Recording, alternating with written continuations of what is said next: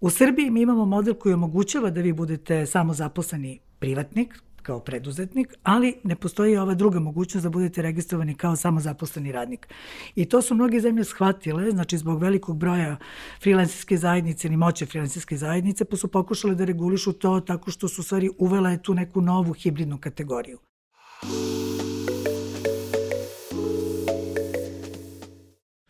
Poštovani gledalci, poštovani slušalci, dobar dan, dobrodošli u još jednu epizodu netokracijenog Office Talks podcasta. Pre nego što krenemo, a, mali podsjetnik, pretplatite se na naš YouTube kanal i upalite zvonce kako biste dobijali obaveštenja o najnovijim epizodama. Takođe, Office Talks možete pratiti i putem audio platformi kao što su Spotify, Google, Apple Podcast i mnogi drugi. A, naša današnja gosta je Branka Anđelković, suosnivačica Centra za istraživanje javnih politika i neko ko se već godinama bavi problemima radnika na internetu, problemima radnika u digitalnoj ekonomiji. Branka, dobrodošli. Hvala, hvala. Evo, razlog zapravo vašeg ovaj, gostovanja danas u našem podcastu jeste ova i dalje aktualna tema o, o freelancerima i, i o porezima. A, vidimo da se tokom prehodnih nedelja, koliko smo se i sami bavili ovom temom, da je dosta toga negde uređeno, ali da i dalje ima opet... A, nekih određenih nesuglasica, da, ne, da veliki broj ljudi zapravo ne zna i dalje šta ih je snašlo, pa ako uh, možemo čisto za početak da negde uh, govorimo malo o toj genezi problema, šta se zapravo desilo ovaj, pre tih nekih možda mesec dana kada su, kada su nekim freelancerima, to je zapravo kada je Poreska uprava obavestila ovaj, uh, freelancere, radnike na internetu i drugi ljude koji dakle, ovaj, obavljaju neke poslove putem platformi, kada su ih obavestili zapravo da je došlo vreme da, da predaju Poresku prijavu za, za ovu godinu, ako se ne varam, jel da? A, pa to ćemo da vidimo. Za koji je godinu. E, pa teško je reći stvarno šta je geneza problema, znači ono što mi kao istraživači ili e, ljudi koji se ovom temom dosta intenzivno bave, e, možemo ili mogu da kažem je da u stvari u Srbiji već godinama i kontinuirano postoji jedan broj radnika na internetu, kako bi sada to bilo popularno rečeno, koji u stvari e, nalaze prosto svoje šanse na toj nekoj globalnoj tržnici i vrlo su neki uspešni u svemu tome. E, Kada je cela priča počela, znači sada ne idemo istorijski u, u osvrt, ali ajde da kažemo da recimo zbog um, jakog ICT sektora u Srbiji ovaj fenomen je već um, nekako prisutan od 2010. 11. Znači već 2015. godine Svetska banka prvi put izveštava o vrlo, vrlo prisutnom broju internet radnika iz Srbije i sada evo 10 ili pet godina kasnije mi vidimo da se taj broj dovoljno povećao da bi u stvari Poreska uprava želela da nešto uradi na tu temu. Šta to u stvari sada znači? Mi smo pokušavali nekoliko puta da e, na osnovu različitih iskustava iz drugih zemalja postaknemo priču o tome da je neophodno regulisati status tih radnika. Pa možemo kasnije o tome. Znači da bi u stvari oni mogli stvarno da budu ravnopravni članovi ove zajednice i da uživaju i u socijalnoj i zdravstvenoj zaštiti, ali s druge strane i da budu aktivni članovi zajednice u smislu plaćanja poreza. Međutim, naš zakonski okvir jednostavno ima konstrukcijonu grešku, ajde da to tako nazovemo, i u stvari omogućava samo jednom broju radnika da se registruju u ovoj zemlji i da uživaju ta neka prava. Da, evo odmah ćemo, odmah ćemo zapravo da otvorimo ovaj, i, i, i, i tu temu. A, domaći zakon zapravo ne prepoznaje freelancere, ne, ne prepoznaje ljude koji su, a, da kažem, poreski obaznici kao fizička lica ovde u Srbiji, a kojima je zapravo poslodavac neko inostranstvu. A, do sada ti problemi su se uglavnom, da kažem, negde po mojim nekim saznanjima ovaj, prevazilizili tako što su ljudi ili otvarali svoje DO ili su bili preduzetnici, dakle imali su svoje paušalne agencije. Opet, s druge strane, imamo isto tako veliki broj ljudi koji negde javno kaže da oni nisu preduzetnici i da zapravo ne žele da otvaraju svoje preduzetničke radnje, te da bi jedino, da kažem opet, kreiranje tog nekog novog modela njihovog zaposlenja, da bi jedino na taj način zapravo oni bili voljni i spremni da se negde uključe ovaj, ili ne samo u razgovoru sa državom, već prosto da, da kažem da bi želeli onda u ta, na taj način da se negde uključe ovaj, u, u da kažem sve svoje poreske obaveze koje, koje imaju. Kakva je tu situacija i zašto zapravo domaći zakon ne prepoznaje slobodnjake? U stvari, zanimljivo je da domaći zakon prepoznaje slobodnjake, mm -hmm. ali oni prepoznaje samo u tri ili četiri oblasti, to je profesije. Znači, umetnike prepoznaje kao slobodnjake, novinare, sveštena lica i ne znam koja je četvrta kategorija. Znači, mi imamo zakonski osnov da proširimo e, takozvanu freelancersku definiciju na ove radnike koji takođe rade na internetu. Ali da se vratimo na početak. Znači, osnovna borba se vodi između e, pojmova definisanja takozvanih samozaposlenih ljudi. Oni mogu biti registrovani kao preduzetnička radnja, znači mogu biti privatnici, ali mogu biti takozvani samozaposleni radnici. U Srbiji mi imamo model koji omogućava da vi budete samozaposleni privatnik, kao preduzetnik, ali ne postoji ova druga mogućnost da budete registrovani kao samozaposleni radnik. I to su mnoge zemlje shvatile, znači zbog velikog broja freelancerske zajednice ili moće freelancerske zajednice, pa su pokušale da regulišu to tako što su u stvari uvela tu neku novu hibridnu kategoriju. I to je u stvari bio naš savjet za Srbiju. Znači, imamo jedan sistem rešavanja preduzetnička radnja je ok za ljude koji imaju stabilan prihod i relativno solidno zarađuju, ali za one koji su tek na početku karijere ili su u povremenim freelancerskim poslovima, znači to stvarno nije opcija jer je to za njih preskupo rešenje. Da, ipak svako mesec imaju određeni, da kažem, Tako trošak je. koji čak i sada koji je, da kažem, možda malo izbalansiran, jer kada otvorite radnju nešto su niži troškovi nego što su dobili, da kažem, ovaj, pre Jeste. par godina, ali i to i dalje, dakle, da samo za, ovaj, zaključimo, i dalje previsoka zapravo cena Jeste. za njih. Da. Znači, tako da u stvari, kako da kažem, jedno elegantno rešenje koje bi sve e, ja mislim strane zadovoljilo bi bilo u stvari uvođenje tog trećeg puta ili hibridnog rešenja, a to je u stvari taj samozaposleni radnik e, koji onda uplaćuje znači svoje doprinose, takođe uplaćuje e, poreze, ali po nekoj manjoj nižoj osnovici i u skladu sa svojim primenjima. Znači tih rešenja ima, e, stvarno na različitim mestima, tako da mislim nije teško pronaći i možda i prilagoditi neki od tih modela znači na našem srpskom da. zakonodavnom okviru. A ovde zapravo govorimo i o uključenju ministarstva ovaj, financija kao i uključenju ministarstva za, za prava radnika, kako li se već zove? E, ovaj, ministarstvo da. za rad, zapošljavanje, e, da. boračka i socijalna pitanja. Da, da, da, da dobro. A, kako je ovaj problem rešen e, u zapadu? Ili možda bolje da pogledamo neke evropske države ovaj, kojima smo i sami bliži? Pa možemo, znači, ali da se vratimo prvo opet na pitanje zašto je Poreska uprava reagovala, uh -huh. a zašto ne recimo neki drugi organ? bilo bi mnogo lakše kada bi se cela priča rešila kroz zakon o radu. I on jeste u stvari e, na agendi sledeće godine, znači o tom zakonu se dosta priča, najava je već tu e, i bilo bi odlično kada bi u stvari sam zakon prepoznao i proširio pojam radnika, to je jedna stvar i takođe kasnije ćemo pričati o tome o pojmu poslodavca. Zato što u stvari ovde u Srbiji takođe ljudi koji rade preko interneta, poslodavci im nisu u Srbiji imaju problem. Znači to su kako da kažem dva vezana, dve vezane tačke. A što se rešenja na zapadu tiče, pa kako da vam kažem, znači priča je relativno skora i sveža. E, Srbija ne kaska mnogo e, u razmišljanju o tome kako rešiti ovaj problem, samo je možda krenula s pogrešnog kraja. Znači, možda nije trebalo prvo Poreska uprava da rešava problem, nego da se reši na drugi način cela krenuli ova tema. Smo, krenuli smo ovaj, motkom, a ne e, Da, mi, pa ne to, rukom, da, da, nama je to nekako blisko srcu. Volimo, mislimo da nas tada bolje slušaju.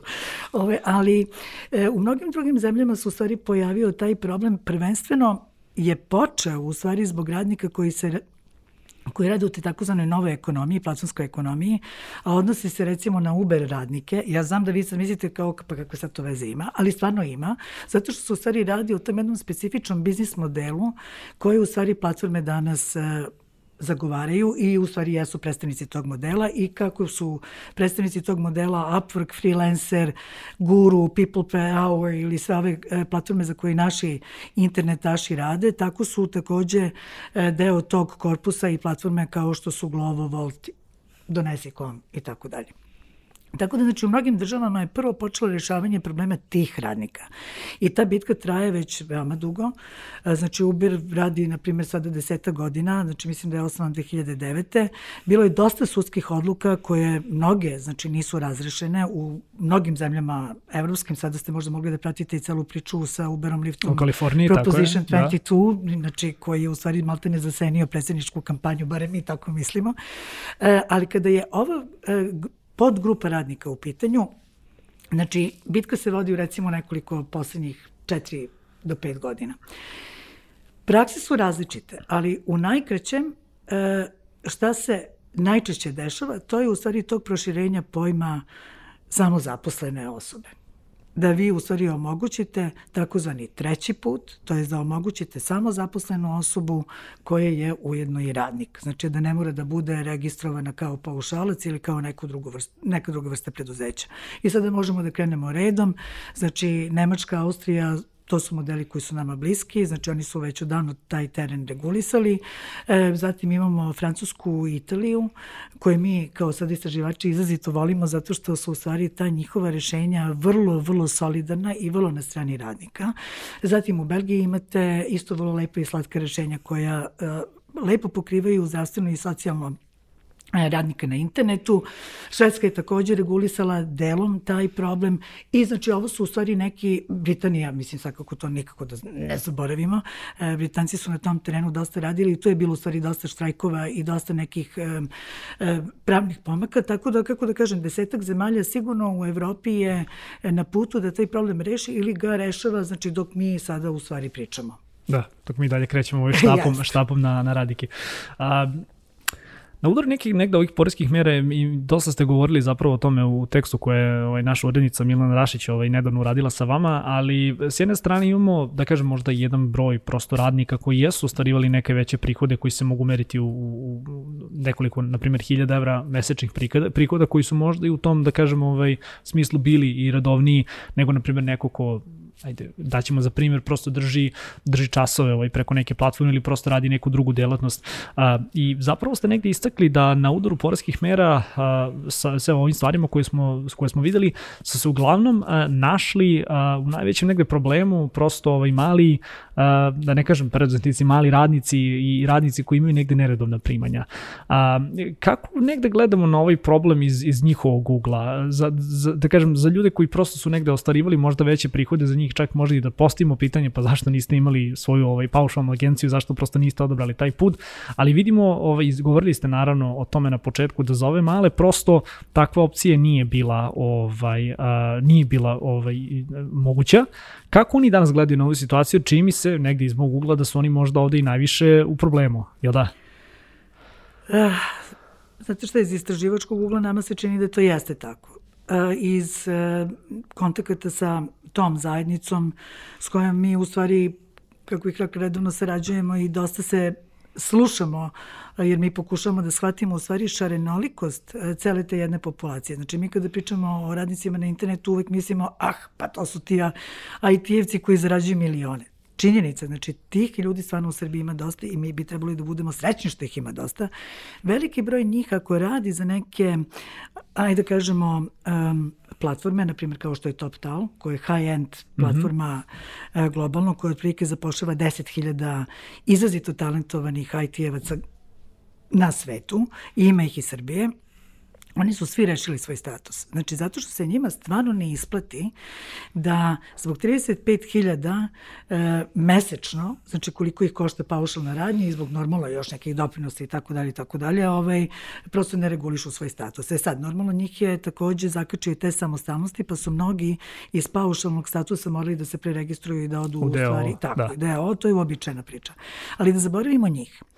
E, zato što oni prave jedan određeni prihod i taj prihod je divan. Ali vi imate gomilu ljudi koji u stvari rade u prevođenju. Znači ja mislim da Srbija stvarno kada gledamo različite merni instrumente što mi po prirodi mm -hmm. stvari radimo, mi vidimo u stvari da ima dosta ljudi iz Srbije koji jesu u tom poslu, dosta njih u kreativnim industrijama, znači da li su to fotografi, e, ljudi koji se bave marketingom, raznim tipovima rešavanja dizajnerskih e, za velike klijente. Znači, ima dosta administrativaca ljudi koji Virtualnih recimo, asistenata, da. Pa da, da. znači, e, tako da u stvari ti ljudi su uglavnom u ovoj drugoj grupi koja ne zarađuje toliko. Kreativci, ajte sad njih da samo spomenemo, jer oni su u stvari možda druga grupa koja najviše zarađuje posla IT-evaca. Svi ovi ostali, pa mislim, svi imate prijatelja koji recimo drži čas engleskog e, na nekoj platformi, pa evo, znate, vi znate koliko je e, sat tog predavanja. I to je bruto. Pa sada krenite da oduzimate znači od tih e, dolar, dva, tri, e, pa smanjite sve doprinose i onda dođete do, nekoga, do nekog rešenja koje bi bilo prigodno za Ili od te cifre zapravo deo uzima platforma, deo bi trebali onda da, da daju na porezi i doprinose i negde dolazimo do toga da mnogo, mnogo zapravo ne ostane, ne ostane sa radnicima. Da. Tako da to je jednostavno, kako da kažem, šarenolika populacija i kakva je populacija, onda bi takva trebala da budu i rešenja. Znači ja mislim za one koji već stabilno zarađuju, mi rešenje imamo. Sad možemo mi da se e, možemo da razmišljamo o tome, diskutujemo da li je ovaj paušalni model dobar, da li bi moglo ovako, da li bi moglo onako, svakako sve može da se popravi. Da, podložno je sve diskusiji, jasno. Apsolutno, ali problem je u tome što u stvari ova druga populacija nije pokrivena. I za njih je u stvari neophodno naći da. rešenja ako želimo da ti ljudi u suštini nastave da rade, a što ne bi, kada već ovde na drugim mestima ili ne mogu da nađu posao, znači ovo je divan posao za studente, divan part-time e, posao za ljude koji imaju relativno skromne prihode. E, za neke je to fenomenalna oskučna daska za neke druge karijere globalno.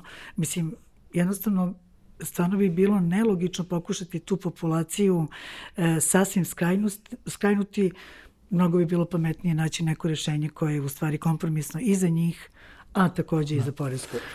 Slažem se, pritom što smo videli isto tako da određeni broj ljudi koji danas jesu preduzetnici imaju negde svoje firme, možda čak i zapošljavaju, pa neku ljudi jesu upravo krenuli ovaj, kao, kao pojedinci, freelanceri, ovaj, gde možda pre par godina ni sami nisu znali da, da ono trebaju da, da, da budu registrovani, pa su onda da kažem godinama nekako ovako učili. Svakako sa ovom pričom negde sada ta ovaj, cena ulaska u, u tržište, da kažem prosto digitalne ekonomije se povećava neminovno. A, Branka, htio sam da vas pitam još jednu stvar. A, dosta se a, ovde govorilo o tom nekom a, modelu koji je primjenjen u Bosni i Hercegovini koji se ovako uzima ovaj kao negativan model. Šta se zapravo tamo dogodilo? Ovaj jer e, iz nekih ovaj da kažem e, stvari koje sam ja makar ovaj video i koje sam imao uvid, ispalo je zapravo da je država se nije dobro ophodila prema prema svojim ovaj radnicima na internetu i da su negde zapravo i dosta visoke kazne ovaj razrešili gledajte Srbiju pa ćete znati šta se dešavalo u Bosni. Znači, da. u stvari, ovaj pokušaj rešavanja problema je vrlo sličan onom bosanskom. Znači, Bosna i Hercegovina ima sličan način regulisanja e, poreskih obaveza svojih obveznika. Znači, isto ima pravo da ide pet godina unazad. Znači, to je stvarno uh mhm. -huh. zakonska norma. To je tako Ali ne treba samo slepo pratiti zakon. Da. Svakako, da. ja samo kažem znači, da to jeste tako i u Bosni i znači u jednom trenutku se bosanska zajednica naša pred udarom e, Poreske uprave koja je bila malo nemilosrdnija, da kažemo tako. I e, dosta je neću reći devastirala, ali stvarno, znači, unazadila filensijsku zajednicu u Bosni. E sad, šta je proizvod cele te priče? Znači, proizvod je da je u Bosni nastalo to takozvano udruženje freelancera, koje u stvari sada pokušava da napravi e, neku sada novu podlogu i način rešavanja svog problema e, u samom zakonodavnom okviru u Bosni i Hercegovini. E sad, valjda zato što su e, taj problem videli i drugi e, u našem regionu, znači Severna Makedonija inače ima veliki broj freelancera, e, vi, vi to već znate i sada je glupo da navodim, ali po raznim merenjima, znači ne i Srbije, mi pokušavamo i dalje da dođemo do tog broja ljudi koji radi na internetu, na platformama, e, ali po raznim merenjima Oxford Internet instituta, koje je nepotpuno, ali ipak ukazuje se u stvari da veliki broj freelancera stvarno dolazi kontinuirano iz Srbije već godinama, da. ali i Severna Makedonija ima strašno veliki broj freelancera i tako da to je jedna vrlo zanimljiva pojava. Oni su u stvari e, sada relativno skoro rešavali isto sličan problem za svoje freelancere i došli su do toga da je znači osnovica e, za plaćanje poreza 9%, a e, dobrovoljno je penziono i socijalno osiguranje. E sad, znači, to su neki pokušaji da se u stvari ceo ovaj teren reguliše, a da se s druge strane ta zajednica stimuliše. Da, Dobro, svakako bez zajednice, bez zajednice nema ni, ni nekih ovih pregovora. Evo, vidimo baš ovaj, a, ovih dana je registrovano i udruženje ovaj, radnika na internetu, ako se ne varam. A, iskreno, jako mi je drago da vidim, a, ne, negde, makar u mojim tekstovima i u mojim pisanjima, ja sam bio veoma kritičan prema zajednici koja se nećemo sad reći možda ni na vreme udružila, svakako je dobro da, da, da to udruženje postoji sada. Mislim, i sami ste rekli da ovde ne postoji nikakva mogućnost nekakvog sindikalnog udruživanja, nemaju, takvi radnici nemaju da kažem ni prava ovaj, ispred nekih drugih ovaj, državnih institucija ili ti agencija te mi je jako drago da vidim da se zajednica aktivirala, da imamo par pojedinaca koji su negdje stupili i zaista preuzeli tu ovaj lidersku ulogu, gde će oni sada zapravo biti spona između jako velike zajednice freelancera i digitalnih radnika u nekakvim pregovorima ovaj pred državom. Ja im zaista želim ovaj svu sreću u, u tom ovaj u tom pohodu. Ono što mene zanima jeste imamo, a, možda nekako, se čini, nekako mi se čini da možda imamo dve ili tri ovaj, frakcije ovaj, a, nekakvih udruženja ili nekakvih grupica. A, svakako, kao što sam ovaj, rekao i u, i u jednom od newslettera, a, velika je stvar u Srbiji a, na, ono, ostvariti nekakvu promenu, ali još teže i veći izazovi zapravo kupiti ljude. Kako vi gledate zapravo na takvo udruživanje? Da li ste u kontaktu možda sa, sa, sa da kažem, predstavnicima tog udruženja i koji je sad zapravo njihov ovaj sledeći, sledeći zadatak da kažemo kada, kada u, u smislu to ostvarivanje negde ovaj, komunikacije sa, sa državom? E, svi odgovori su da. znači, e, ali da krenemo redom. E, što se same, samog udruživanja freelancera tiče, znači mi smo dosta o tome pričali svoje vremena tokom naših istraživanja. Šta je problem? Opet se vraćamo na problem da, znači, vi ne postojite kao radnik u našem zakonodavstvu. Znači, vi možete da se udružite kao privrednik ili kao privredno preduzeće, ali vi ste onda udruženje malih i srednjih privrednika i u stvari zastupate neka druga prava. Privredu, a ne radnike, da. Tako je. Tako da, znači, dok se ne, taj status radnika u Srbiji ne reguliše, oni nemaju mogućnost da recimo naprave neki svoj, ajde da kažemo, manjinski sindikat ili da se pridruže nekom drugom sindikatu koji je ovde aktivan, tako da oni mogu da se u stvari udruže isključivo kroz e, asocijaciju ili udruženje nevladinih organizacija, znači to im je mogući model koji je u stvari sada e, udruženje radnika na internetu i primenilo. Znate šta, ljudi se teško udružuju i odlučuju na zajedničku akciju dok ne dođe neka muka. I to je u stvari neka standardna priča. E, mnogi naši sagovornici su ranije očekivali da će krenuti tim putem udruživanja, ali ovaj potez Poreske uprave je u stvari bio okidač. Sada, Šta udruženje radi? Znači, udruženje u svakom slučaju prvo pokušava da e, spozna zajednicu, znači da spozna tu šarinoliko zajednice o kojoj mi sada pričamo i da pronađe neki e, model koji bi mogao da bude prilagodljiv ili, ajde da kažemo, prihvatljiv e, poreskoj upravi, barem u početnoj nekoj iteraciji pregovaračkoj. Znači, to je sada trenutno njihov zadatak i ja mislim da su oni e, tu već vrlo agilni, počeli su već na tom predlogu e, i da rade i vidjet ćemo sada kako će to ići. Svakako oni neće izaći samo sa jednim scenarijom, kao i u svakom e, pregovaranju vi razmišljate o više scenarija, o više mogućih rešenja, tako da će to biti njihovi naredni koreci. Da. Dobro, kao što rekao, želim im, želim im svu sreću. A, evo, Branka, za kraj ostalo nam još toliko minuta. A, ne postoji jednostavan odgovor na, na ovo pitanje. A, jako je komplikovana tema, kao, kao što ste i sami rekli, i prosto sada nam predostaje da u narednim mesecima vidimo da li će se i na koji način ovaj, čitava situacija menjati, pa makar da se dođe do rešenja gde ni jedna ni druga strana nisu super zadovoljne, nego su negde ok sa, sa tim predlogom. A, kako vi vidite potencijalno i možda neke najrealnije rešenje ovog problema, jer svakako neke stvari koje su možda primenjene preko, možda su i suviše, da kažem, napredne ili možda suviše zadiru u neke ove postulate koje država u ovom trenutku ne bi menjala, koji negde možda i najrealniji scenariju za, za, reša, za rešenje ovoga ili šta biste vi eto voleli da vidite? Ja lično, uh, a verujem i mnogi moji kolege koje se ovom temom bave bi voleli da vide znači promenu zakona o radu. Mislim da je to jedan zdravi, lep početak. I znači svima bi taj početak bio blagugudan. I dobro bi se u njemu snašli i našli, jer iz tog u stvari rešenja vi možete da korigujete i da napravite sva dobra rešenja koje se odnose na e, poreske doprinose, zdravstvene doprinose i tako dalje. E, u tom smislu to bi bio odličan korak. Da li ćemo mi taj korak sada moći da sačekamo, To je veliko pitanje. Znači, na tom planu će se sigurno nešto dešavati, ali u narednih nekoliko godina. Znači, u zavisnosti od toga kada će zakon o radu stvarno doći na agendu da se dopisuje ili rekonstruiše. U ovom trenutku, kako da vam kažem, znači, najidealnije rešenje bi bilo da se napravi neka vrsta privremene mere ili da se u stvari započne sa jednim novim programom oporezivanja, jer to je moguće. Znači, moguće je promeniti neki član u zakonu koji bi u stvari priznao ovu vrstu radnika na internetu kao grupaciju koja ima neka druga prava i takođe neke druge obaveze u odnosu na sve ove veće forme o kojima smo pričali. Znači, to bi bio u stvari, ajde da kažemo, neki međukorak koji je moguće već napraviti s početkom 2021. i znači o zakonu o penzionom i invalidskom osiguranju koji već prepoznaje tu zasebnu kategoriju još malo u stvari se tom temom pozabaviti, a takođe možda razmisliti da u okviru e, poreskih zakona se uvede jedna nova kategorija e, radnika na internetu koji su u stvari fizička lica i da se za njih u stvari pripremi jedan manji paket koji bi bio, ajde da kažemo, probni. To bi da. bilo po meni idealno.